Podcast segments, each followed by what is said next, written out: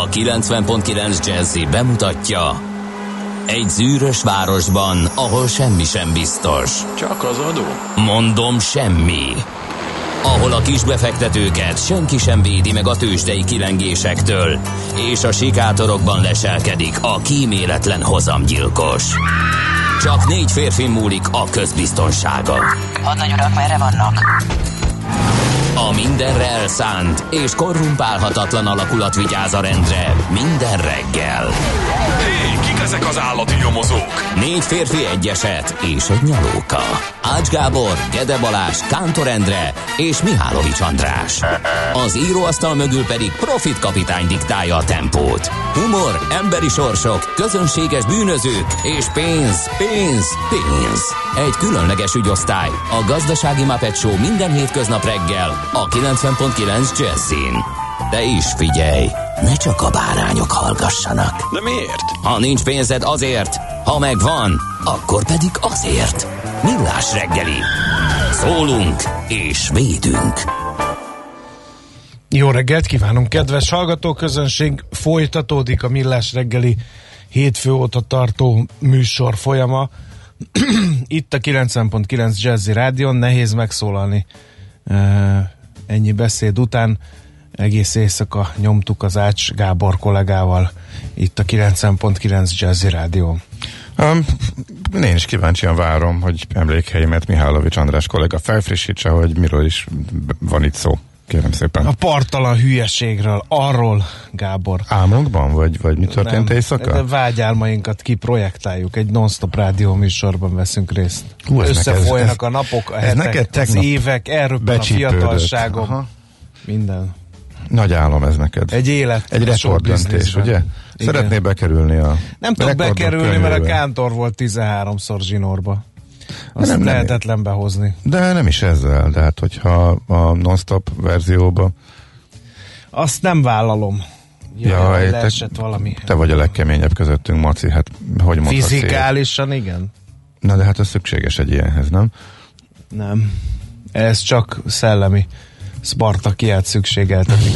Arra meg nem lehet gyúrni. Az vagy van, vagy nincs. Na, augusztus 27-e van, és eh, 0 30 20 10 9 0 9 SMS, WhatsApp és Viber számunk is ez, és képzeljétek el, megtörtént a meg jósolhatatlan, Történhetetlen, a igen. megtörténhetetlen, Értem. hogy nem a szerelmes futár írt először, hanem D. Kartárs ideális forgalmi viszonyok között közlekedett Gödről Pestre, 24 perc alatt ért zuglóba. Hát bravo! Tegnap 22 volt. Igen, ezért nem értem, hogy a tegnapihoz hasonlóan uh-huh. három percet hol biztos megállt Kiflier valamelyik benzin kúton. Ezt tudom elképzelni. Isten éltesse a gáspárokat. A nevük napja van ma, főleg azokat, akiket katona tiszti avattak a minap. Nekik van különösen ma a nevük napja. Biztos a fiúk meglepik valamivel a seregben a gáspárokat is. Na, az események, eh, volt olyan magyar király, akit háromszor koronáztak meg, Károly Robertnek hívták, 1310-ben koronázták meg harmadszor. Ez milyen menő már, nem csak egy buli volt, hanem három. Nem? Bár biztos nem örült töretlenül ennek. Mondjuk az első után nem arra számított, hogy még lesz kettő, vagy a második után, hogy na még egyszer, de ha valakit háromszor koronáznak meg, azt már csak elfogadja mindenki, nem? Hát persze, hogy ezen múlott nyilván az Igen. elfogadás, igen. Aztán a Szevasztopoli csata is volt 1855. augusztus 27-én. A franciák, a britek és az oszmánok közösen lenyomták az oroszokat Szevasztopolnál, tehát hazai pályán. Lev Tolstoy is részt vett az ütközetben. Mindig elgondolkodom azon, hogy amikor ilyen így felmerül, hogy valaki ott volt az ütközetben, hogy például Lev Tolstoy mit csinált? Adogatta a lőszert, vagy messziről nézte, hogy vagy hallott az ágyú dörgés, mert alig ha hiszem, hogy kardot rántott volna, vagy pisztolyt ragadott volna, és neki az oszmán, török, brit, francia haderőnek egyébként. Na mindegy, ezt csak így azért raktam bele az adásmenetbe, hogy ezen elmélázzunk, de mivel Ács Gábor máson mélázik, ezért nem fogunk elmélázni. Egy Lev Tolstoy ugyan mit tett hozzá a szevasztopoli ütközethez, vagy mit vett el belőle? Te honnan tudod, hogy én min mélázok? Biztos vagyok benne, hogy már a vasúti fejlesztések járnak az eset, esetben. Az folyamatosan. Na, ugye? Meg nyilván a mai adásnak egyik fontos beszélgetésének témája lesz ez, úgyhogy érthető nem. Túllépek a régmúlton, a nosztalgiázáson és a jövőbe tekintek. Azért ezt én előremutatónak érzékelném, én ezért mondjuk inkább valami virtuális hátbaveregetésre számítanék. Igen. Hát jó, ezt megkaptam ezek szerint. Meg. Vagy nagyon belemerültél valamibe. Igen? Kérem szépen, utána néztem Tolstoynak, egy tüzér alakulatnál szolgált, mint Annyira artist. tudtam, hogy nem tudsz ezen túllendülni. Igen. Ám befolyásos katonák ismertségi körébe tartozva sok kényelmetlen katonai gyakorlatot kikerült. Na ez mindent elmond. Tehát Lev Tolstoy Lógott. csókos volt. Lógott. nem lógott, ez ugyanazt jelenti, amit én mondtam, csak egy minimálisat is ismernéd a katonai szlenget, akkor ezt mondanád, hogy csókos volt. Érted? Sajátítsd el, és A akkor csókos- katona viselt emberek között A csókosság tudsz az majd nem, nem csak katonai szleng. Igen. Illetve ha a katonai szlengben mást jelent, mint a köznyelvben, akkor arról nyugodtan felvilágosíthatsz, hogy mi a különbség. Igen. Szevasztopoli elbeszélések című alkotásában lehet eh, háborús élményeiről olvasni Lev volt Tolstoynak. Hát ráadásul ő várost védett, elvesztették a török-francia-angol csapatokkal szemben Szevasztopolt, úgyhogy ennyit tudok hozzátenni. Akkor olvas fel néhány részletet a háború és békéből, és mehetünk is tovább. Most? Akár. Ja nem. Nem. 1944-ben röppenjünk át, mert hogy a szovjet hadsereg ezen a napon lépte át az Ojtozi szoros, szorosnál Magyarország 1941-es határat, ez még fontos. A születésnaposok közül egy csomó van. E, megint csak napi csatát rittyentenék belőle. nem Tudtátok, kell. hogy a Fogjuk torpedó feltalálója magyar volt? Te tudtad? Tudtam hát. Lupis. Giovanni Lupis. Mindent elmondott, Giovanniként híresült el, és nem. Ahhoz képest egyébként, hogy ö, osztrák-magyar haditengerészeti tiszt volt, és ő találta fel a torpedót, igazán nagy karriert az angolok adtak a torpedónak. Pedig ha ezt a akkoriban csoda fegyvernek számító valamit az osztrák-magyar haditengerészet valahogy meg tudja óvni, akkor még akár tengeri hatalom is lehetett volna, hiszen a torpedó még korunkban is az egyik legfélelmetesebb haditengerészeti fegyver.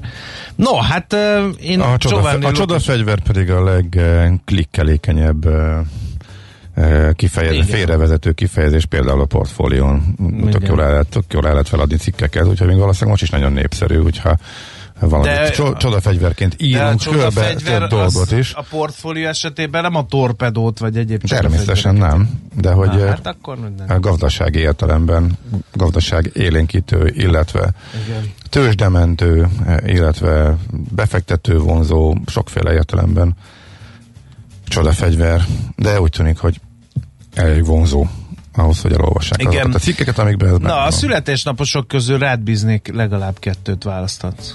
Hmm, köszönöm szépen, nem élnék vele, én csak csüngök szavaidon. Hát de Cezária Evorát, azt hittem, azt bevállalod. Azt Még hagyjuk- beteszel hagyjuk meg Nest-. Nestának. Jó, akkor nem. Gundit se vállalod be? Gundel Takács Gábor sportúsegi 1964. augusztus 27-én született. Ám, jó, most mondjam el a személyes, személyes élményemet. Mit amikor- találkoztál Gundival? Én meg sosem. Igen, a- Látod, előrébb vagy te az élet ranglétráján, mint én.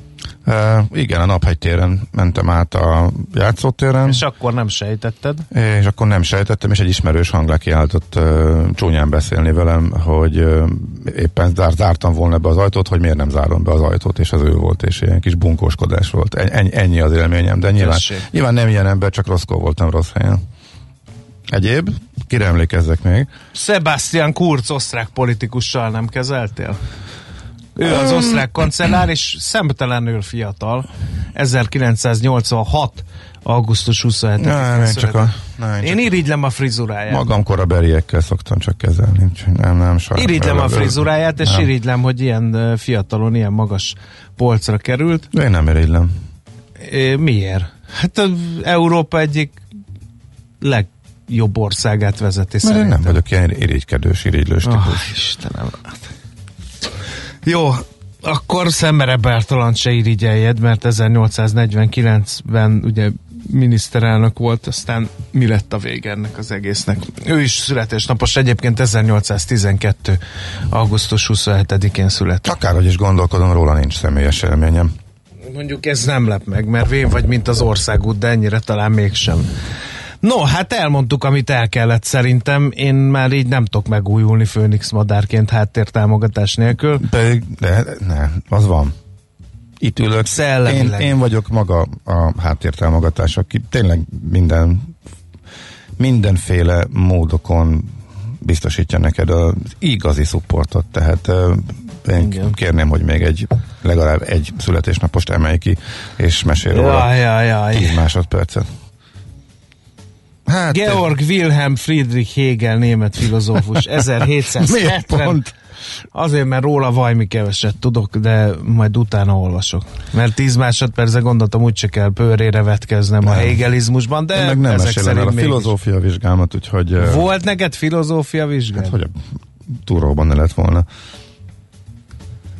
Én nekem nem volt. Az agráron a filozófikus kérdések nem kerültek terítékre. Hát figyelj, akkor a pályaválasztásod során rontottad el ezt, hogyha ez nagyon fontos lett volna, de hát most már ezzel nem tudunk segíteni. Úgyhogy lépjünk tovább. Engedélyt megadod? Miért Jaj, rábokám, hogy a viharban még ne? valamit mondani? Hát, hogy a viharban ne? Akkor, Nem, nem merek én már mondani semmit sem. akkor zene.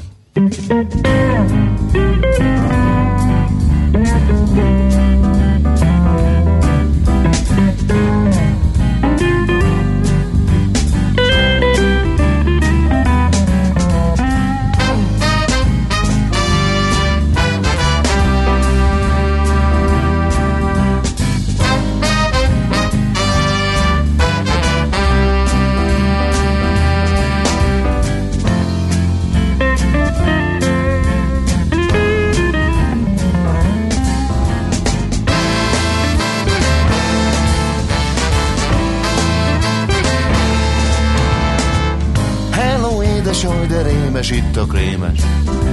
S a kávé se jó. Talán rosszul kezdtem, nem köszöntem, nem figyeltem.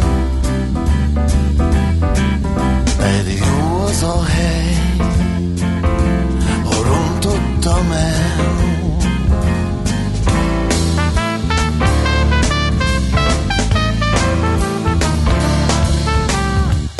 Angélának hívták ott a neve kis táblán épp a melle alatt Kedves hangja van és úgy mosolyog, mint a kéma. Éppen szabad. Egyre jobb ez a hely. De valamit, valamit mondani kell.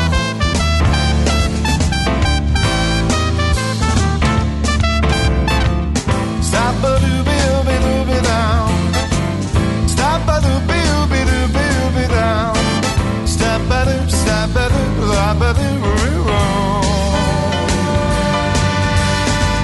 Stop a dooby dooby dooby dooby down Dooby dooby bow bow dooby down Stop a dooby, yabba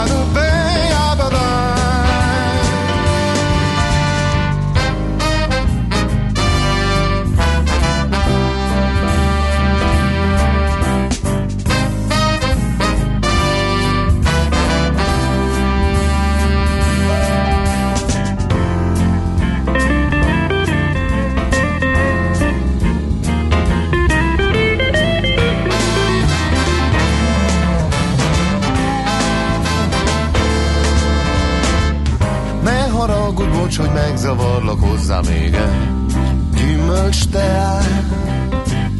Bár csak érezném az illatát, az érintését, az a matát. De gyanúsan nő, olyan furcsa a nő.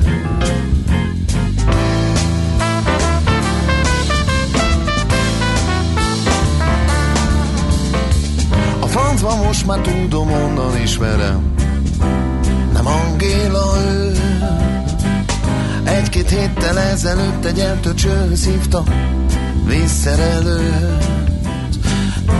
Bekópogott ő Most férfi vagy nő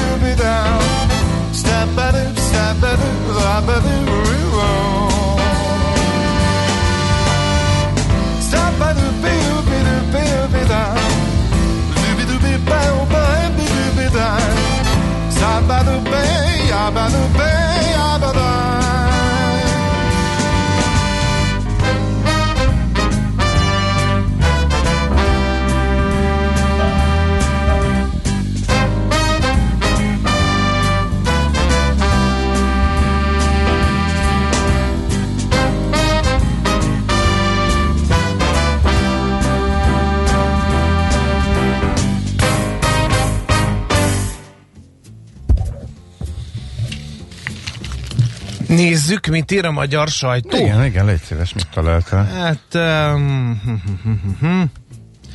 azt uh, népszava uh, cikket uh, olvasok éppen. Az eredeti tervek szerint a héten kell eredményt hirdetni az ország legújabb stadionjának építésére kiírt közbeszerzési pályázaton. 2023-ban Budapesten lesz az atlétikai világbajnokság.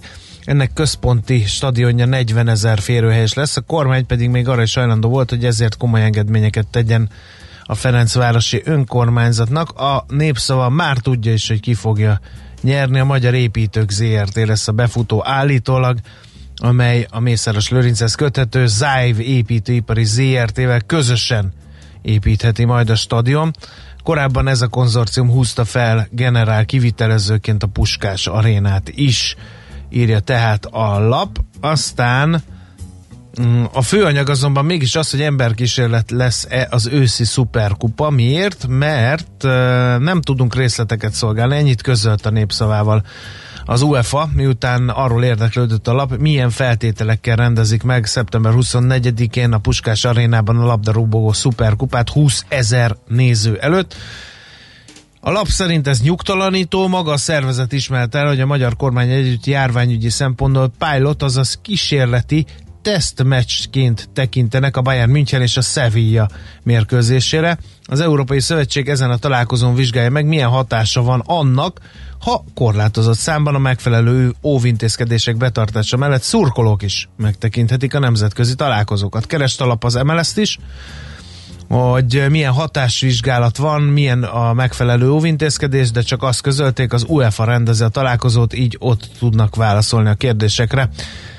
Úgyhogy ez is egy érdekes szelet a rögvalóságnak, és ha már a stadion, és ha már labdarúgás, tegnap a Fradika kettő egyre megverte a Celticet, mindenképpen szép teljesítmény ez, hiszen a Celtic volt az esélyesebb 51-szeres skót bajnok, és hát be ismertebb és erősebb játékos keret, ha csak a euró árakat nézzük, mint a ja, fradikáé. Uh-huh. Jó, Nem de... Szeretnék sportúságíróvá avanzsálni, úgyhogy légy szíves, ne tegyél fel kérdéseket felszólítalak nem, se a nem, meccsről, nem, mert azt nem láttam. Csodálkoztam, hogy te őszintén tudsz ö, drukkolni. Én nem, ez, ez lapszemlét tartunk. Hát ez a mai híreknek az egyik fő vonulata, hogy a Fradika megverte a szelfit. Ez nem lapszemle, egy tegnapi esemény, ami... Ami a lapokba is belopta magát. De akkor most megint vitatkozunk össze, hogy miről szól a lapszemle. Nem tesszük meg. Én inkább összehasonlítok két hírt, jó? Mit szólsz hozzá? A Hivatalos protokoll, amit mondanak koronavírus tünetek jelentkezése esetén, és a valóság, amely végül is valamilyen szinten közel van egymáshoz, csak nem egészen megnyugtató. Ha vannak tüneteid, akkor maradj otthon, nem menj közösségbe, házi orvost ne keres fel személyesen, hanem hív fel telefonon. Hogyha a házi orvos szerint fennáll a gyanú, akkor, de nem igényel kórházi kezelést, akkor menj otthoni karanténba, de még mindig akkor ennyi nem találkoztál senkivel. Ha tünetek eh, súlyosak, akkor intézkedik a házi orvos a beteg kórházi elhelyezéséről. Ez a hivatalos, ugye. Mm-hmm. Na most uh, mm, azt nem egészen értem, hogyha te komolyan rosszul vagy, akkor egy ilyen uh, otthoni kérés karanténba kerülsz, ha ellenben semmi bajod, de jössz mondjuk egy olyan országból, Eh, ami éppen sárga besorolású például, eh, akkor azonnal a rendőrök által felügyelt és tök szigorú hatósági karanténba kerülsz, hogyha csak bejöttél a határon és nem mész elteszteltetni magad.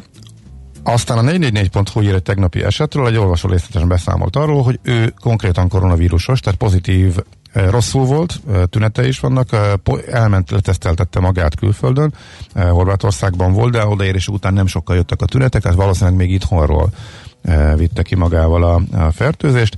Majd, amikor hazajött, elkezdett küzdeni a Ja, bürokráciával, azt de nem jutott el odáig, hogy regisztrálják és komolyan vegyék, tehát ő még nincs, nincs benne a rendszerben. Én a is horvátok, a horvátok elhajtották, hogy ott, ott már nem számolták bele, e, itt meg e, bejelentkezett, kapott egy, nagy nehezen kapott egy telefonszámot, ahol foglalkoztak vele, mondták, hogy hívja vissza. Legtöbbet nem vették föl a számát, a háziorvos annyit mondott a végén, hogy lehetőség szerint maradjon otthon, leírta a kontaktjait, de se őt, se a kontaktokat senki nem kereste a következő nap végéig.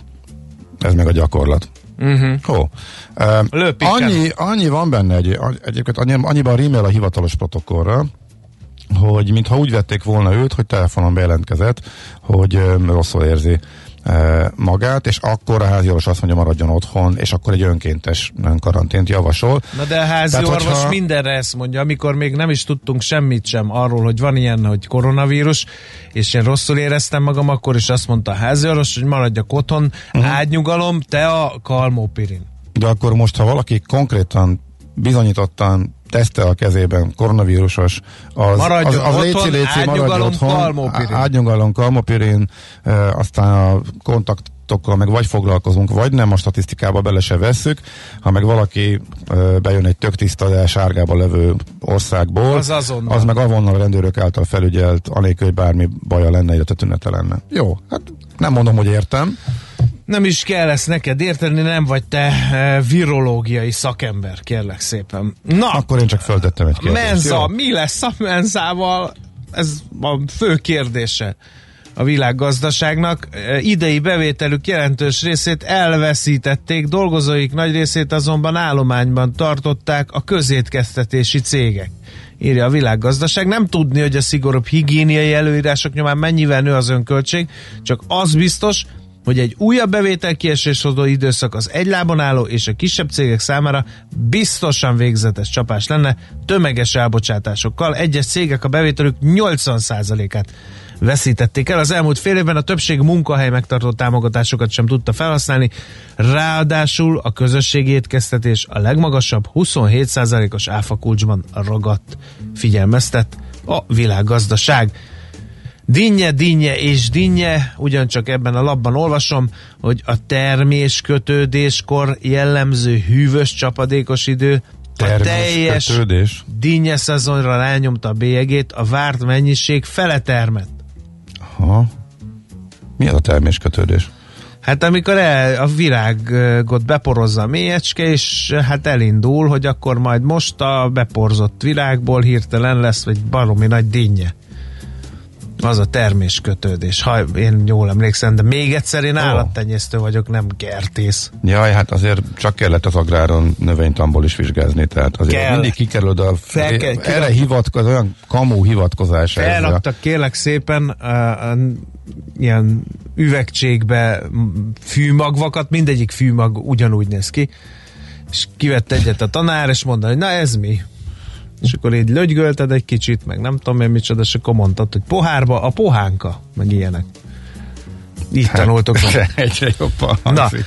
Aztán eh, mi van még itt? Az érdekel, hogy tömeges elbocsátások a légi cégeknél? Az nem érdekel, mert már Nem, te ezt hát ez három már- éve elmondtad Ez, itt, ez igen. megy hetek óta. Megkezdődött az illegális hulladék lerakók azonosítása, nagyon helyes, ezt is a világgazdaságban olvasom. Az első lépés a felszámolósok felé, és a hatályos szankciórendszer továbbfejlesztése is napirenden van.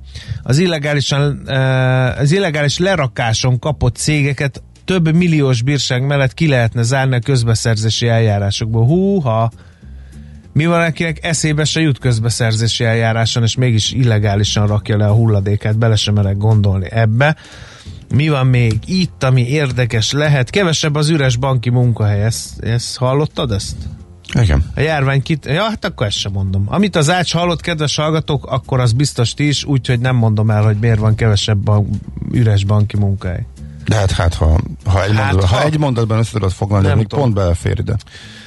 A járvány kitörése óta eltelt időszakban lecsökkent a meghirdetett álláshelyek száma. A kilenc legnagyobb piaci szereplő honlapjain tegnap 672 pozíciót hirdettek, március végén még majdnem ezret. Hát nem nevezném őrületes meglepetésnek a válság közepette. Igen. Ja, ez volt a magyarázat? Ez most ez volt a tény? Nem, a, még a magyarázatot nem, mert azt mondtad röviden foglaljam össze. Hogy- Ennél rövidebben én már nem gyerekek. tudom. Hát mit kell magyarázat válság közepette, amikor mindenki megszorít és leépít, tehát nem kell ezt túl gondolni. Azért jó az átcsal újságot olvasni, mert mindenről már minden tudott három évvel ezelőtt.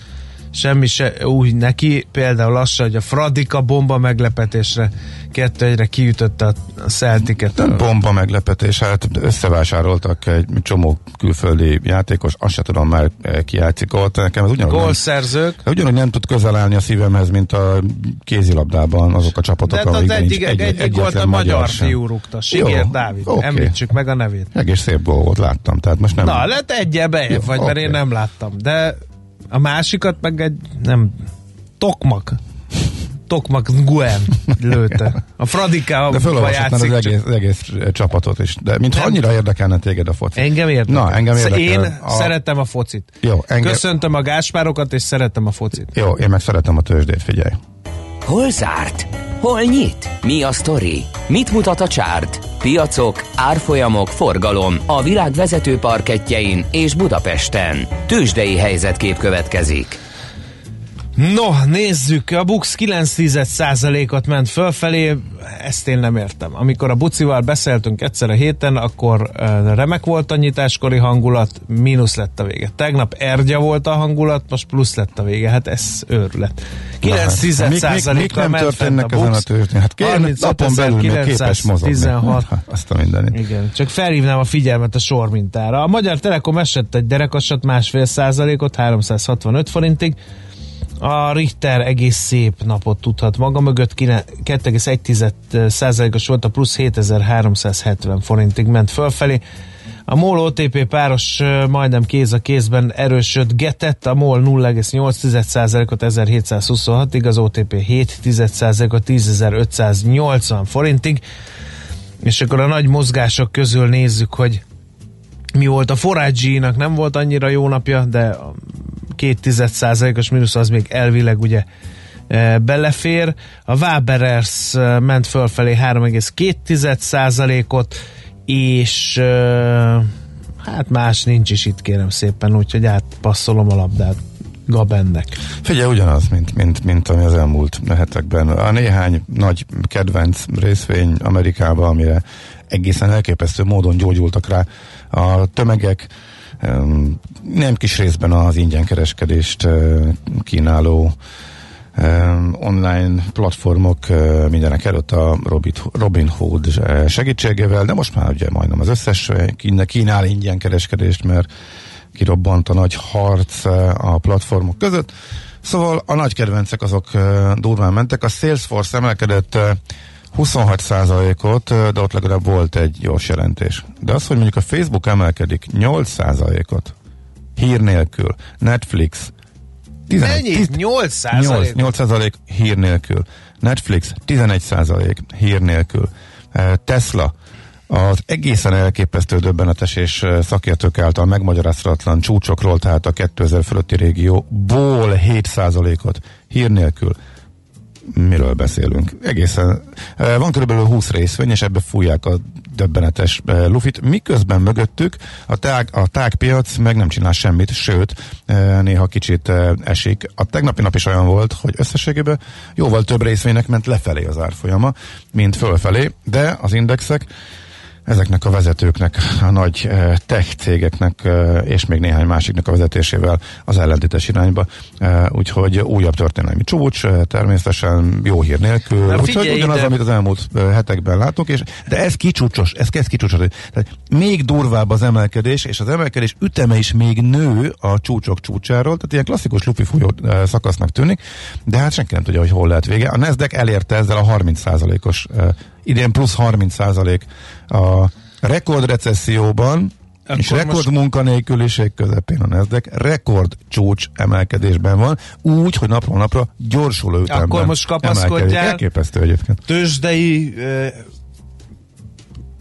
apostolok a TikTokon oszt, oktatják ezeket a Robin Hoodos Igen, fiatalokat. igen, igen, a igen. TikTokon, hogy mi az az ETF, meg mi a tőkeátét, meg Mindenki- ilyenek. Tehát igen, próbál, próbálják, igen, de nem érdekli. Hát ha ott vannak, De hol érdekli a fiatalokat?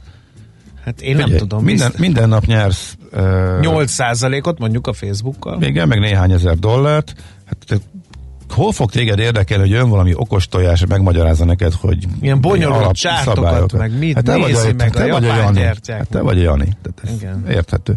Kiröhögsz mindenkit, aki, aki azt mondja, hogy hát ennek Mekkora kéne sírás, rívás lesz. Vérözön De láng figyelj, tenger, ez- rabló mongol, zúgó nyila, Jó, de lesz. egy hónapja, meg nem, három hónapja is Tudom, már meg már lassan évek óta mondjuk, hogy jön a tőzsdei korrekció, az meg nem jön, az kész. Jó, de ez a mostani, ez a, ez a néhány részfenyre szűkülő, de egészen elképesztő elszállás, kicsúcsosodás, ez, ez valami egészen új. És hogy napról napra durvább a mértéke. Úgyhogy erre, erre én is nagyon kíváncsi vagyok, hogy mi lesz Majd a, ebben mi lesz a beszélgettünk erről. Hát beszélgettünk már a héten. De pont most pont még két, egyszer Pont két napja beszélgettünk erről. Na jó, de... Még egyszer fogunk, mert tudod, a heti alapozóban majd a Jónap Ricsi pont ugyanezt fogja boncolgatni. Igen. Na, ennyi tehát a tőzsdéről.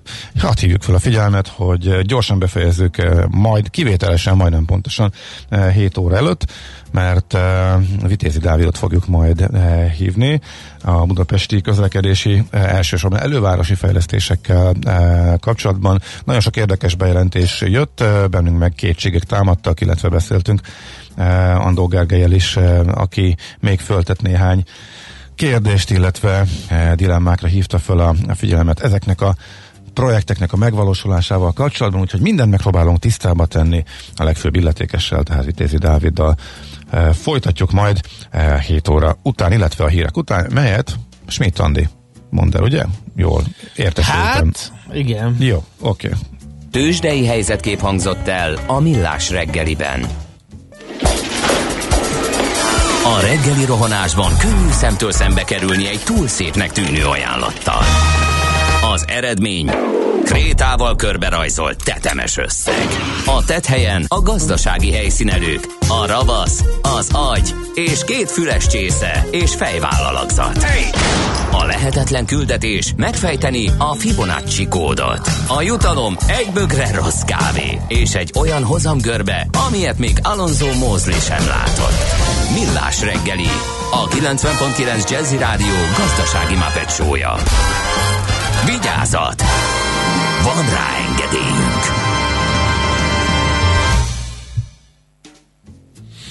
No kérem szépen, akkor 7 óra 13 perc, ez biztos. 2020. augusztus 27-e ez is. A millás reggelében ülünk, abban már nem vagyok biztos, de abban biztos vagyok, hogy a 90.9 Jazzy Rádión van ez a műsor, mert olvastam valahol az interneteken, illetőleg azt is olvastam ugyan ezen interneteken, hogy az egyik műsorvezetője Ács Gábor. Vagy Gede Balázs, vagy Kántor Endre. Na, Mihálovics András meg a másik. Na, elég a hülyeségből szerintem. Okay. Fontos témánk van, úgyhogy komolyodjunk meg, mit szólsz hozzá? Hajrá! Budapest, Budapest, te csodás! Hírek, információk, érdekességek, események Budapestről és környékéről. Nem tudom, te mennyire követted, de Maci kollega, hogy mennyire komoly fejlesztéseket jelentett be a Budapesti Fejlesztési eh, Központ. Agglomerációs Agglo- vasúti a- fejlesztés. Igen, igen, igen, igen, és erről beszéltünk, eh, és, és rengeteg kérdés még fölmerült bennünk, illetve a szakértőkkel beszélgetve eh, különböző dilemmák is, úgyhogy eh, föltárcsáztuk Vitézi Dávidot, a Budapesti Fejlesztési Központ vezérigazgatóját, akit van velünk a vonalban nagy örömünkre. Jó reggelt!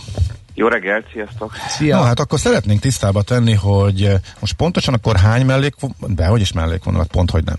Elővárosi vonalat eh, érintenek ezek a bejelentések, most a tervezésről van szó, amire megvan egyelőre a pénz, illetve hogy akkor most eh, összefoglalnád, hogy pontosan akkor hol tartunk? Igen. Dolgozunk, mióta a BFK létrejött eh, a MÁV-val közösen egy átfogó stratégián a budapesti és környéki agglomerációs vasúti közlekedés fejlesztésére. Erre óriási szükség van, mert eh, a pályák rossz állapotban vannak, eh, rendszeresek a késések, hogyha valaki hallgat most minket, aki éppen a Monori vonalról ingázik a százán, az pontosan átéli ezt éppen, mert a nyugati pályaudvaron biztosító berendezés hiba miatt ma is késések vannak. Tehát ahhoz képest, hogy egyébként a vonatok maguk a flörtök megérkezésével, meg egyébként majd az emeletes vonatok érkezésével lényegében a járműpark svájci színvonalon eh, van, és teljes egészében lesz eh, eh, másfél éven belül. A, a pályák sok bevezető szakaszon Esztergom, Székesfehérvár felől megtörtént, 60 felől, és Puszta Szabolcs felől ugye jelenleg is zajlik a kivitelezés, tehát több helyen történtek, történnek pályafelújítások, de a budapesti mag szakaszok, tehát a fejpályaudvarok és teljes környezetük az, az lényegében a világháború előtti e, e, állapotban van, és, és azóta se változott ott sok, e, talán a déli pályaudvaron valamennyi, de az se jelentős. Tehát e, összességében muszáj rendszer szinten megújítani a budapesti és környéki vasúti közlekedést. Ennek, ami a magját illeti, eh, ott ugye vizsgáljuk a vasúti alagút kérdését, eh, dolgozunk közelővel a déli körvasút fejlesztésén, ami Budapestnek a Dunán átvezető vasúti kapacitását eh, másfél szerezné, és most arról született döntés, hogy néhány olyan bevezető szakaszon, ahol mindenképpen felújításra van szükség, ott induljanak el már a konkrét tervezési munkák, eh, hogy 2022-re eh, indítható eh, beruházásaink, indítható projektjeink legyenek. Ugye ennek az az első számú oka, hogy azon túl, hogy óriási szükség van erre, és nagyon régóta halogatott beruházások, de most adott ennek még egy plusz lendületet a, a, a BFK létén kívül, hogy ugye lezárultak a következő 7 évre szóló Európai Uniós tárgyalások, és az látszik, hogy Magyarországnak általánosságban is több e-, Európai Uniós fejlesztési forrása lesz, mint a korábbi évtizedben, és részben a klímapolitika, részben az infrastruktúra fejlesztésre eső figyelem miatt ezekből több fog vasútfejlesztésre jutni, mint eddig. Eddig se jutott kevés, mióta csatlakoztunk az Európai Unióhoz 2000 milliárd forintnyi vasúti beruházás valósult meg, vagy valósul meg még jelenleg is Magyarországon, de ennek mindössze 3%-a került a budapesti törszakaszokra, és ha az agglomerációval együtt nézzük, akkor is 40%, ami már egyébként annyira nem rossz, de hogyha másik oldalról megnézzük, hogy a MÁV utasainak, a MÁV csoport utasainak főleg, hogyha hévekkel együtt is nézzük, 74%-a a központi régióban utazik, akkor azért látjuk, hogy bőven uh-huh. van még mit tenni.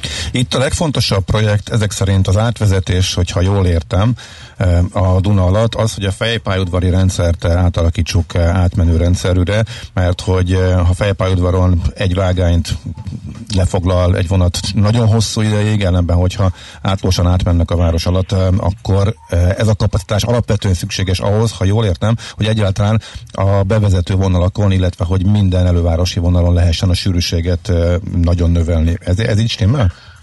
Igen.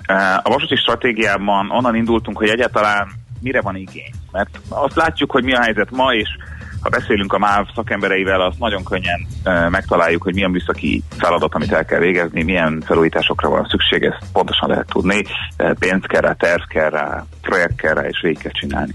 E, ez persze egyszerűen hangzik, de évtizedek óta nem történt meg, tehát nyilván ez se önmagában egy kis feladat, de Hogyha megnézzük a Székesfehérvári vonal példáját, vagy az Esztergomi vonal példáját, azt látjuk, hogy megduplázódott az utasszám a felújítás révén, és most azzal a problémával szembesül a vasút, hogy nem tudja kiszolgálni a megnövekedett igényeket, és nem is annyira a vonal kapacitása miatt, hanem azért, mert Budapest nem több vonatot fogadni. Az Esztergomi vonalról most így a reggeli csúcsidőben, amikor beszélünk, a vonatok egy része Angyalföldön visszafordul Esztergom felé, mert nem tudja a nyugati pályaudvar fogadni ezeket míg a, a déli körvasút bővítésére többek között azért is van szükség, ugye ez a Kelenföldtől a, a Rákóczi híd mellett a művészetek palotájánál Pestre átérkező átkötő vasútvonal, hogy kettőről három vágányosra bővítünk, meg lesznek új megállói a műpa mellett is, meg az Infoparknál a az új ingatlanfejlesztési zónában, Molszékház mellett, illetve egy másik megállója a Népligetnél, ahol a hármas metróval tud találkozni.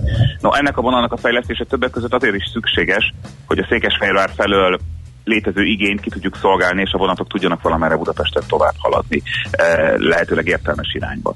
Tehát itt fölmértük azt, hogy egyetem mekkora a fejlődési potenciál, és számos irányból közelítve, alapvetően forgalmi modellezéssel persze leginkább, azt látjuk, hogy kb. 80%-kal növelhető meg a budapesti elővárosi vasúti forgalom. Egyébként ez nyilván nagyon megoszlik, hogy csak az agglomerációs ingázást nézzük Budapestre és a Budapesten belüli forgalmat, akkor ez duplázódást eh, jelent. Ami egyébként, ha megnézzük, ahogy mondtam is, a már megtörtént fejlesztéseket, egyébként egy abszolút igazolt eh, cél. Uh-huh. Viszont, hogyha minden vonalról dupla annyian szeretnének beutazni Budapestre, akkor annak a kiszolgálásához készült egy részletes menetrendi modell, ami konkrétan megmondja, hogy Nagykátáról, Pirisvörösvárról vagy e, Százhalombattáról mikor és hány vonatnak kellene ehhez indulnia. Ez azt hozta ki, hogy óránként a mai 42 helyett, ma óránként 42 vonat lépne Budapest határán a reggeli csúcsidőbe, körülbelül 93, körülbelül egész pontosan 93 vonatra lenne szükség. Most ez nyilván egy modell, és egy 20 év múlvai állapotot néz, amikor minden vonal fel van újítva, vagy 15 év múlva itt, nyilván attól függ, milyen gyorsan tudjuk ezt végrehajtani. De mégiscsak azért kell ezt megnézni, mert így lehet világosan tudni, hogy mire van szükség a városban. Tehát ha nem látjuk, hogy hova szeretnénk eljutni, hanem mindig csak felújítunk, felújítunk, felújítunk, akkor oda tudunk jutni, és felújítottunk mindent, és egy pillanat alatt kiderül, hogy amit csináltunk, az kevés. Na most ennyi vonatot a fejpályaudvarok viszont nem tudnak fogadni, és így jutunk el oda, amit kérdeztünk. Igen, egy teljesen laikus kérdést engedj meg nekem. Ugye sűrű lakott rész az agglomeráció, pláne a főváros. Van ezeknek a fejlesztéseknek helyük? Mert azért mindent nem lehet a föld alá vinni, és így meg ugye nagyívű kapacitásfejlesztésekről esett szó. Az agglomerációban, ahol esetleg plusz vágányokra van szükség, vagy a külvárosokban ott ennek jellemzően megvan a helye, vagy azért, mert eleve kiszabályozták a múltba, eh, vagy azért, mert a vasút körül azért sokszor nem a legsűrűbb beépítés jellemző, hanem mindig a város inkább a hátát fordította eh, a vasút felé, eh, bárhol is gondolkodunk, nem tudom, Kőbányán vagy Rákos mentén. Ezeken a helyeken ilyen probléma nincsen, lehet, hogy kisajátítások lesznek. Ahogy beérünk a városba, ott már nagyobb a probléma. A körvasútnál ugye ki van szabályozva közlekedési célra a terület a körvasút harmadik és negyedik vágányának, de látjuk azt, hogy jelentős lakossági tiltakozás van, hiszen azáltal, hogy ez a terület ki lett szabályozva, oda házak nem épülhettek, fák nőttek ki, az emberek ezeket a fákat megszerették, ma már parkként tekintenek rá, miközben, hogyha nem lett volna a közlekedésfejlesztésről szó korábban, meg nem lett volna ez betervezve a fejlesztési tervekbe évtizedek óta, akkor most ott házak állnának.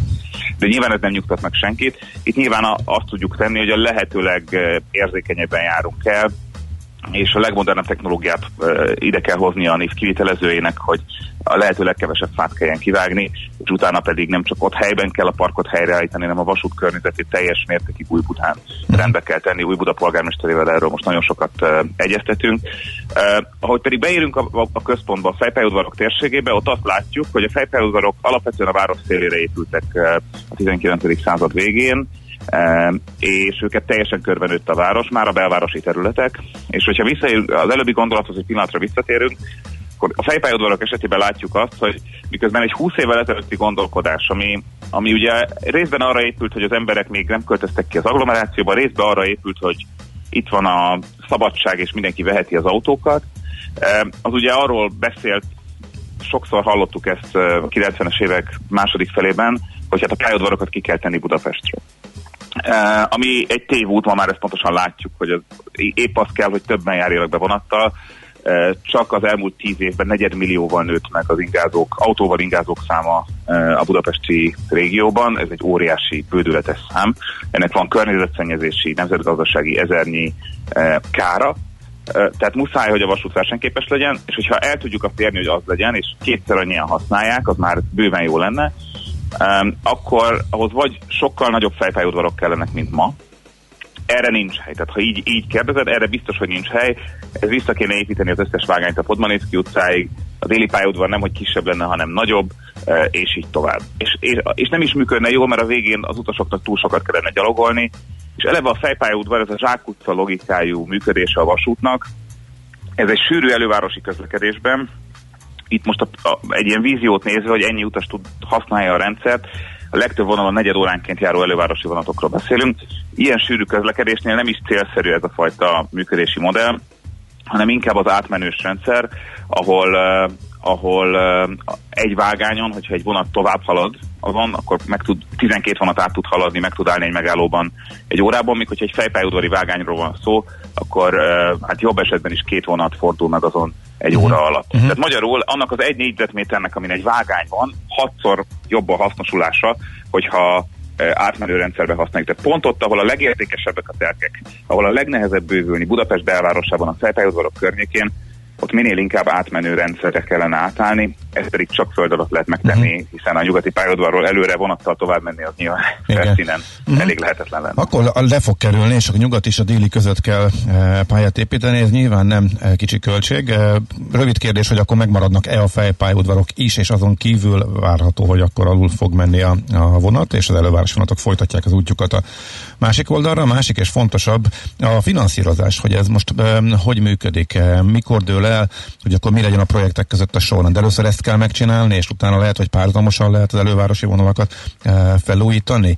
E, erről majd e, a Budapesti Fejlesztési Központ tesz javaslatot, illetve az érkező uniós pénzek függvényében születik erről döntés. Az egésznek a finanszírozása, kivitelezés a következő sok-sok évben az hogy nézhet ki? Igen.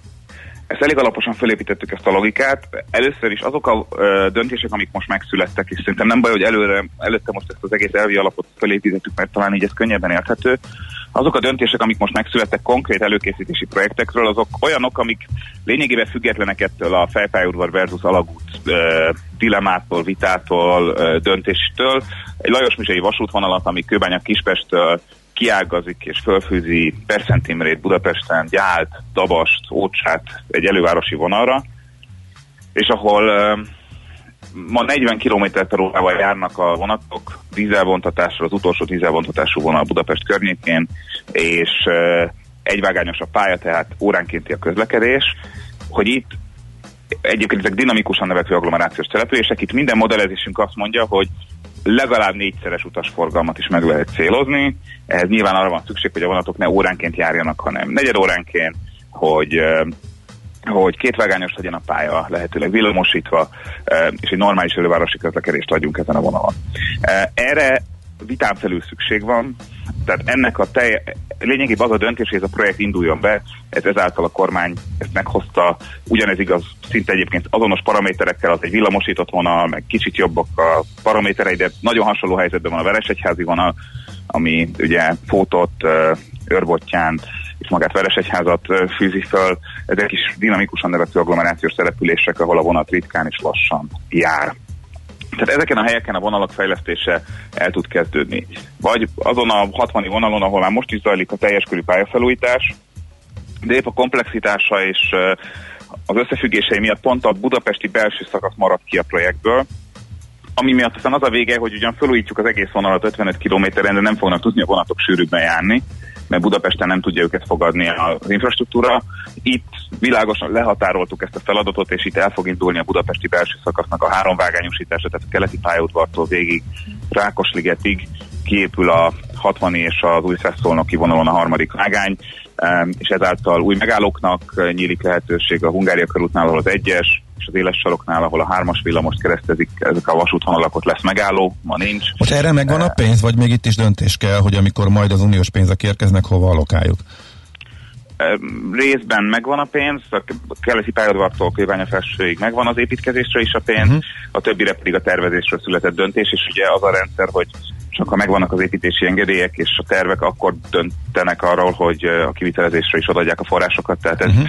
Így most, a, amire el lehetett kérni a pénzt, és amire el tudjuk kezdeni a munkát, az a, a, arra a kormány megadta. Tehát ilyen szempontból e, ennek minden szakasza e, megindult. Uh-huh. Ami az alagutat, meg ezt az egész nagy fejfejudvari kérdést illeti, ott e, ezt az egész átfogó stratégiát, ami egy 20 évre szóló e, víziót ad, és azt, azt a kérdést megválaszolja, hogy ahhoz, hogy elérjük ezt, hogy mondjuk kétszer annyian ingázanak Budapestre vasúton, 110 ezerrel kevesebb autója jön be Budapestre, mert ez ennek a hatása.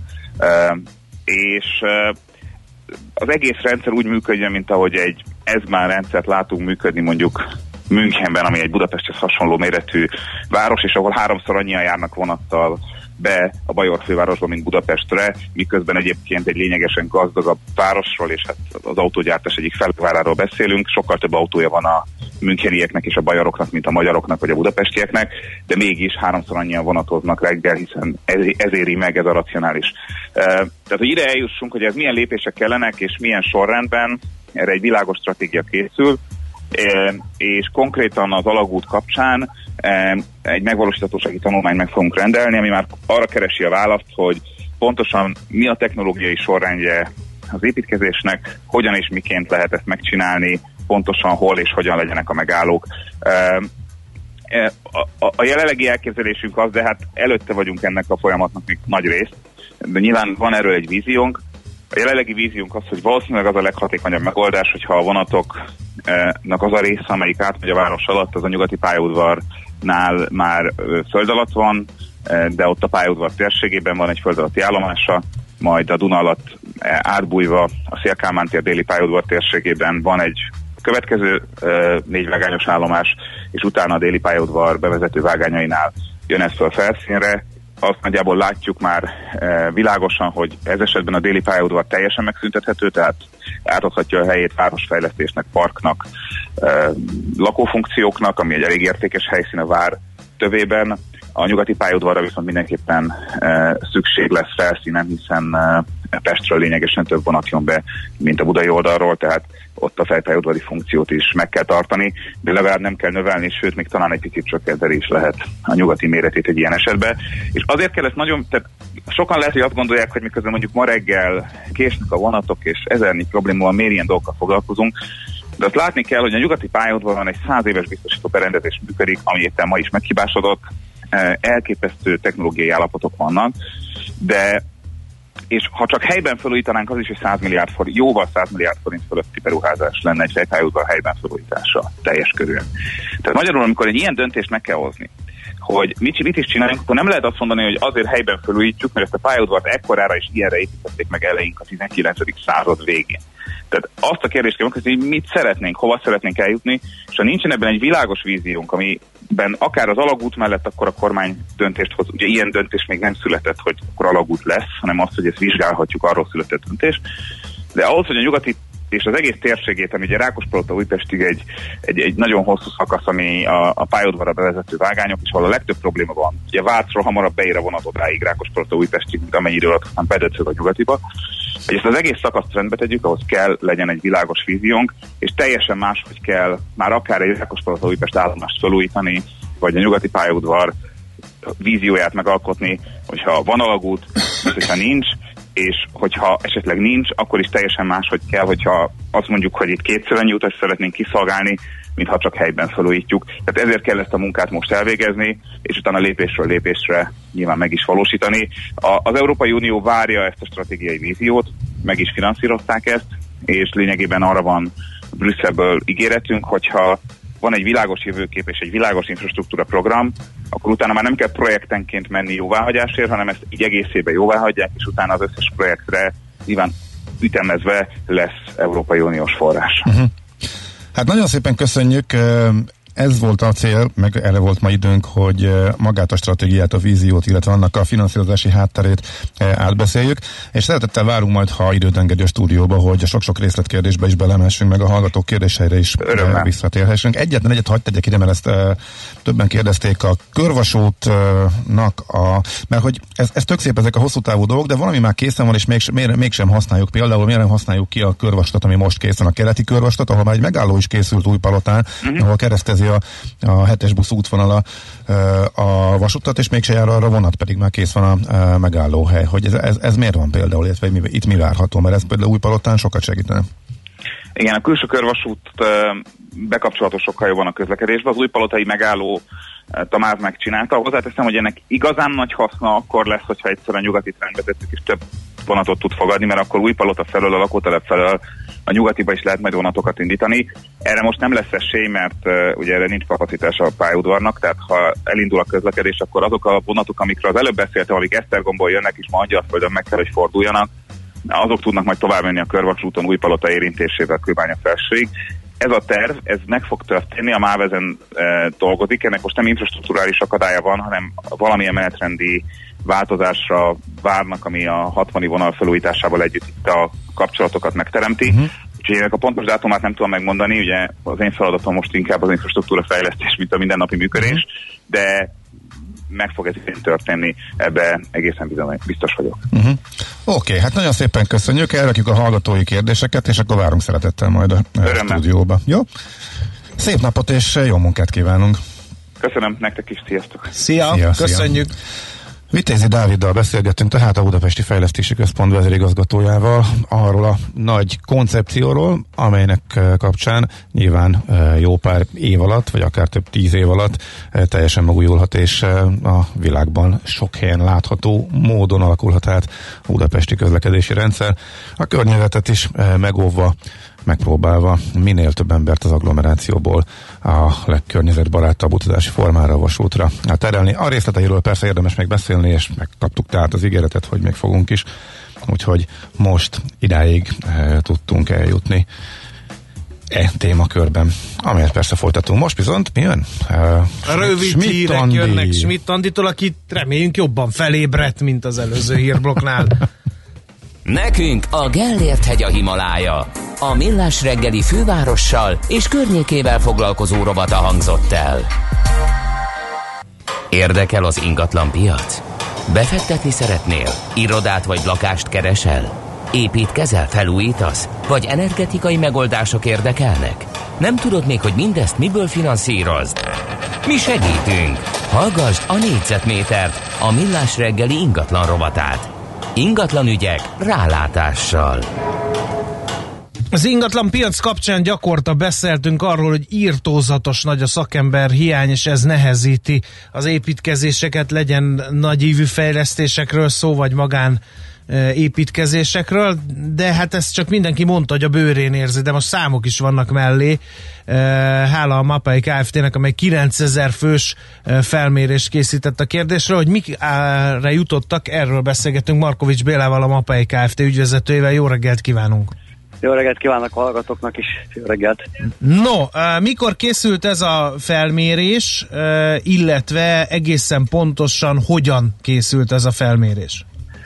Ez gyakorlatilag két felmérés volt, két uh-huh. különböző időpontban. Az első az a koronavírus betörésekor, és a második pedig júliusban, amikor úgy nézett ki, hogy egy kicsit már enyhültek az intézkedések, és enyhült a vírus uh-huh. is, és online felmérés volt, és ugye, mint azt említette, 9000 ember is válaszolt a kérdésekre. Fix kérdések voltak, arra voltunk kíváncsiak, és az volt a meghatározás, hogy a, megrend, a megrendeléshez képest, amikor az ember azt mondja, na most akkor felépítek egy házat, vagy pedig valamilyen burkolatot megcsináltatok, mennyi időt telik el, amíg a szakember elkezdje a munkát. Uh-huh. És hát igen érdekes számok jöttek. No, mik ezek a számok? Február és július között csökkent a szakember hiány? Igen, nagyon érdekes, ami de nem váratlan. Uh-huh. Februárban még a szakember hiány, annak a, hát a pontos értéket most fejből nem tudom, de legalább 12%-a magasabb volt a szakember uh-huh. hiány, mint most uh, uh, júliusban. Több mindennek köszönhető ez egyébként. Uh-huh. Tehát csökkent a szakember hiány, viszont még mindig elég magas, hiszen még majd négy hónapot kell várnia egy, egy építkezőnek arra, hogy a szakembert, a szakembert tudjon kezdeni. Mennyit? Négy hónapot? Hát 119 napot, tehát az, Azt a mindenit. az nagyon sok. Az igen. Az az érdekes, hogy ráadásul ez különböző szakmák között szóródik is.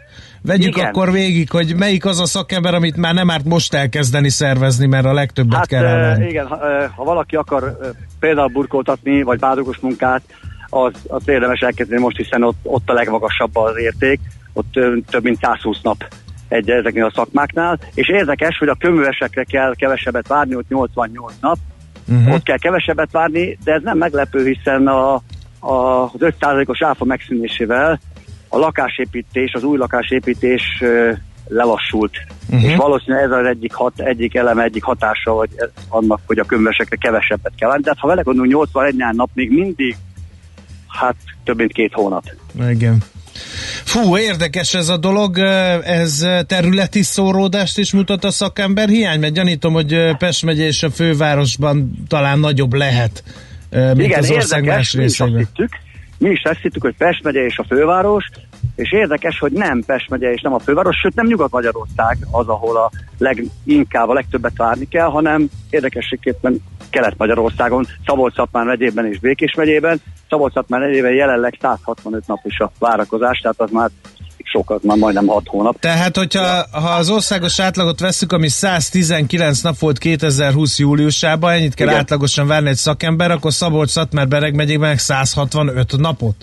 Igen, nagyon sokat Ej. kell várni. Val- valójában megvan ennek az oka egyébként, hiszen a, amikor az építőipari boom még volt, meg ugye részben egy kicsit tart most is, akkor a szakember hiány miatt nagyon sokan Kelet-Magyarországról, Nyugat-Magyarországon dolgoztak, uh-huh. Budapest, Pest megye és, és még nyugatabbra, és ez lehet az egyik oka szerintem annak, hogy ezen a területen sajnos nagyon sokat kell adni a szakemberre. Uh-huh. Mi e, azt is e, ugye feltárta ez a csökkenés, hogy e, 135 napról 119 napra csökkent a, Igen. e, ez a várakozási idő, de mi ennek az oka vajon? Hát ennek az oka, ugye az egyik oka az, hogy természetesen, mint említette, a lakásépítés lelassult, uh-huh. és a, a, az új építések nem csak a lakásban, más területeken is a koronavírus betörése és az, azon azt követő intézkedések hatására lelassultak. Tehát csökkent az igény, és ha uh-huh. csökken az igény, akkor az egyik oka ez volt, hogy ugyan a kínálat, a kereslet az kevesebb volt, a kínálat nagyobb. A másik oka, hogy a koronavírus a hatására sok szakember külföldről haza kellett, hogy térjen, mert ott nem tudott dolgozni, és nem maradhatott ott. És így a külföldi szakem, külföldről hazatérő szakemberek be- megduzzasztották a szakemberek számát, de látszik, hogy annyira nem tudták, hogy azért egy normál időt, mondjuk egy-két hónapot kelljen csak várni, hanem így is még a 119 napot még mindig, hát majdnem négy Igen. És azt is uh, gyanítom, hogy akkor valószínűleg ez vissza fog uh, kúszni a régi szintre, hogyha normalizálódik a helyzet.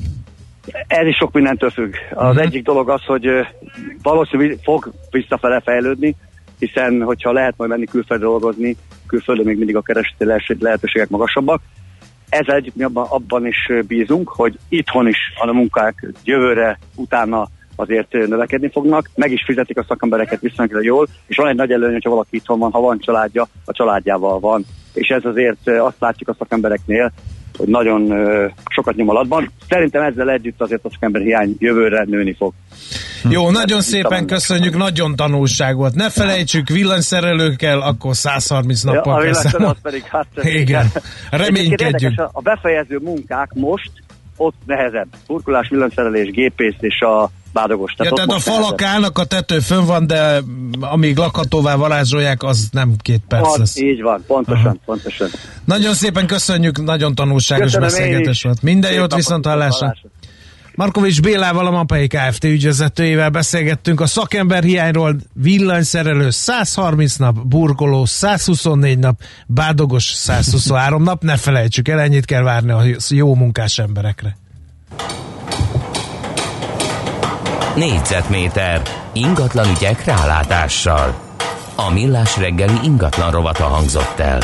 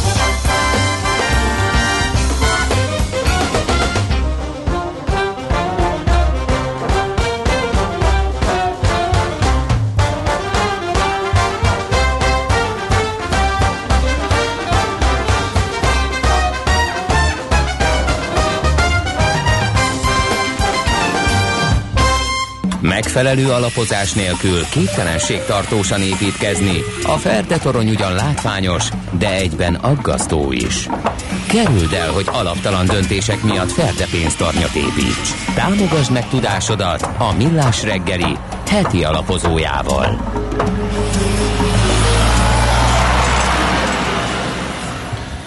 Van baj a tőzsdéken, igen, Igen. amikor már a, Baj. hát igen. Miért baj az, hogy szépen mennek föl az árfolyamok? Mindjárt megkérdezzük ezt is. A Törvényjelentésben szerepelt, hogy tegnap kicsúcsosodott az az elképesztő emelkedés, amely egy szűk szegmens, néhány részvényt érint Amerikában, de döbbenetes szintekre ment. Apple, Tesla, Salesforce, Netflix, Már kicsit beszéltünk a befektetőkről, a hátteréről, a Robin Hood generációról, de most egy kicsit más megvilágításba helyezzük a kérdést. Jó nap, Richard van velünk, ismét az Akkord alapkezelő portfólió menedzsere. Jó reggel, szia! Jó reggelt, sziasztok! Ricsikén fönn vagy a TikTokon? Nem, nem. Hát de nagyon le vagy maradva, mert állítólag a TikTokon térítik a igazi ö, tőzsdecápák a jó népet, mert ott érhető el az a korosztály, ami most megvesz minden, ami, minden olyan céget, aminek a neve ismerős a okostelefonjáról. Most olvastam erről. Hát gyakorlatilag telegesen elképesztő, ami zajlik, és én, én ebben az egész világban most már a tőzsdén is látok egy nagyon-nagyon komoly generációs szakadékot, egy, egy választó vonalat kétféle befektetők között, és, és ilyen öregemberként kicsit hátrányban is érzem magam, hogy én láttam 1998-at, meg 2000-től 2002-ig a tőzsdéket, ugyanis az a réteg, aki 2003-ban ült le, és az amerikai piacra fókuszál, az gyakorlatilag háromféle esetet látott eddig a tőzsdén. Az idő 90%-ában szép fokozatosan emelkedtek az árak, minden kisebb korrekciót meg kellett venni. Voltak nagyobb korrekciók, mint 15-16 fordulóján, meg 15 szeptemberében, vagy a 18 karácsonyi, amikor egy ilyen 13-15 százalék, 20 százalékot is elérő esés volt az S&P 500-ban. Ezek voltak a nagyobb korrekciók, ezeket utólag látva nagyon meg kellett venni, és volt két extrém összeomlással járó tőzsdekrak, a 2008-9 és a 2020, és ebből is az elsőből pár hónap alatt vállalható szintekre kimászott a piac, ebből a mostani koronavírus összeomlásból pár hét alatt vállalható szintre mászott ki a piac, sőt a Nasdaq 123 os pluszban van az idén. Tehát a tapasztalata a fiatalabb generációnak az az, hogy, hogy vannak összeomlások, vannak esések, de nincs időbüntetés a tőzsdén. Tehát, hogyha valaki vesz, és bármikor vett az elmúlt 17 évben, akkor gyakorlatilag olyan helyzetbe nem került, mint mondjuk egy 1989-es Nikkeinél, vagy a 2000-es Nasdaq 100-nál, aminek 16 és fél év kellett ahhoz, hogy újra elérje a 4800 pontos értékét. Ugye most 11.970-ről nézzük vissza ezt a szintet. Tehát az látható, hogy az a tapasztalata van a fiatalabb generációnak, hogy az árak ugyan leeshetnek, meg összeeshetnek, de majd úgy is fölállnak, tehát gyakorlatilag zajlik egy ilyen vételi hullám. És amit én látok, az az, hogy kvázi az Apple és a Tesla vált az új bitcoinnál. Van az investing.com nevű oldal, aminek alul 7 ticker van feltüntetve a legfontosabb árfolyamokkal, tőzsdei információkkal. S&P 500, Nasdaq, arany, olaj, eurodollár és az amerikai 10 éves hozam, és a hetedik az a bitcoin volt egészen július elejéig, és most hirtelen a Tesla került be ide ilyen hetedik árfolyamnak, mint a általuk hét legfontosabbnak tartott tőzsdei árfolyam. Az a Tesla, aminek a piaci kapitalizáció jelen, jelenleg 401 milliárd dollár, és éppen a tegnapi napon haladta meg a Johnson Johnson piaci kapitalizációját, és ezzel a nyolcadik legértékesebb amerikai tőzsdei vállalattá vált, belátható közelségben a hetedik vizával és a hatodik Berkshire Hathaway-jel. Elon Musk gyakorlatilag idén közel annyival gazdagodott, mint ami a Warren Buffett teljes vagyona. Tehát valami egészen extrém, szélsőséges időszakot élünk, és nagyon-nagyon sokan magyarázzák ezt az egész folyamatot, és én is ezzel magyarázom, vagy ez nagyon mögötte van ugye a Fednek ez a végtelen pénzpumpája, és az látható, hogy a pénz mint értékmérő, ami ugye az árfolyamnak az osztója, ahány, ha, ha, ha egy számlálót és nevezőt tekintünk, az értéktelenedik el folyamatosan, és ugye ezzel inflálódnak az eszközárak szerte a világban, viszont amit most láthatunk, az, az, az, az én véleményem szerint jellegében jobban hasonlít a 17-es kriptopiaci mániához, mint a 99-2000-es Nasdaq mániához. Tehát gyakorlatilag jellemzően a, a, a fiatal réteg szerte a világon, és jellemzően férfiak, sok más tevékenység mellett vagy helyett teljesen rákaptak az online kereskedésre, és látva a saját sikereiket egy öngerjesztő folyamatba is váltott át ez a fajta piac, és én még, én még emlékszem, egy fél éve írtam, vagy nem is fél éve, hanem ö, olyan kilenc hónapja egy blogposztot, hogy már 2350 milliárd dollár az Apple és a Microsoft együttes tőkepiaci értéke, hogy te úristen, hova jutott ez a dolog. És ugye tegnap este az Apple már 2164 milliárd dollár volt, ami, ami, uh-huh. ami, ami félelmetes önmagában, tehát itt azt, azt láthatjuk, hogy, hogy, hogy egészen elképesztően felértékelték a, a befektetők ezeket a cégeket, és ez most már ki kell mondani egy mániákus jelleget kezd ölteni. Amikor kimondjuk azt, hogy mániákus jelleg, akkor azért mindig fejben kell tartani azt, hogy ezt megsortolni, vagy ez ellen menni, az egy életveszélyes folyamat, mert simán bele lehet szaladni olyanokba, mint tegnap a Netflix 11%-os emelkedése, a, a Facebook 8%-os emelkedése, vagy a Salesforce nevű Dow Jones Indexbe éppen a előző napokba beválasztott technológiai cégnek a gyors jelentésére adott 26%-os emelkedés, amivel már is óriási gondba hozta az indexbizottságot például itt a Dónál, hogy hirtelen túl nagy súlya lett a részvénynek a 272 dolláros árfolyam miatt. Tehát ez a fajta mániákus jelleg, ez problémát fog okozni, méghozzá belátható időn belül. Lehet, hogy ez pár nap, lehet, hogy ez pár hét, de mindenképpen pár hónapon belül ö, fog jönni egy olyan tőzsdei vihar, ami, ami újra a, a, a lapok mindennek a, a, a címlapján lesz, mert egészen egyszerűen még hogyha nyomtatja is a pénzt a Fed, a relatív árazása ezeknek a vállalatoknak lassan kezd fenntarthatatlanná válni a piac többségéhez képest. Tehát nagyon-nagyon... Nem lehet, hogy inkább a piac megy utána? Tehát, hogy újabb, szépen egyenként hármasával, ötösével újabb másodvonalbeliek kezdenek emelkedni, miközben ezek eh, egy enyhe esőtrendbe. Tehát átrotál a Robin Hood generáció, eh, és akkor új kedvenceket, amik esetleg nem annyira népszerűek, de a Twitter és hasonló, amik szintén ott vannak még a telefonjukon, de annyira nem csimpaszkodtak beléjük, hanem ezek, ezek ugranak 20-30 százalékokat, miközben szép lassan kicsit a túlvett Tesla-t, Netflix-tek meg korrigálnak ez, ez, ez abszolút be fog következni, sőt már tegnap is látszottak ennek a jelei, például a Google-be téptek bele, mert az lemaradt ugye a többiektől, a, a másik három cégtől, az Apple, Amazon, Microsoft uh, triótól, és ez történt a 99-2000-ben is, hogy nagyon sok papír már 99 végén megütötte a csúcsát, és onnan jött még egy eszeveszett emelkedés a 2000 január, február és március elején, tehát sim képzelni ezt, ezt a dolgot, hogy a kisebbeket is fel fogják kapni, és elképesztő emelkedéseket fognak generálni benne, de azért azt is látni kell, hogy, hogy, hogy lassan nagyon-nagyon sok vezető cég tíz évi árbevételén forog. Tehát bármilyen apró rossz hír, vagy bármilyen nem olyan szintű növekedés már, már jelentékeny problémát fog okozni a, a, a befektetőknek,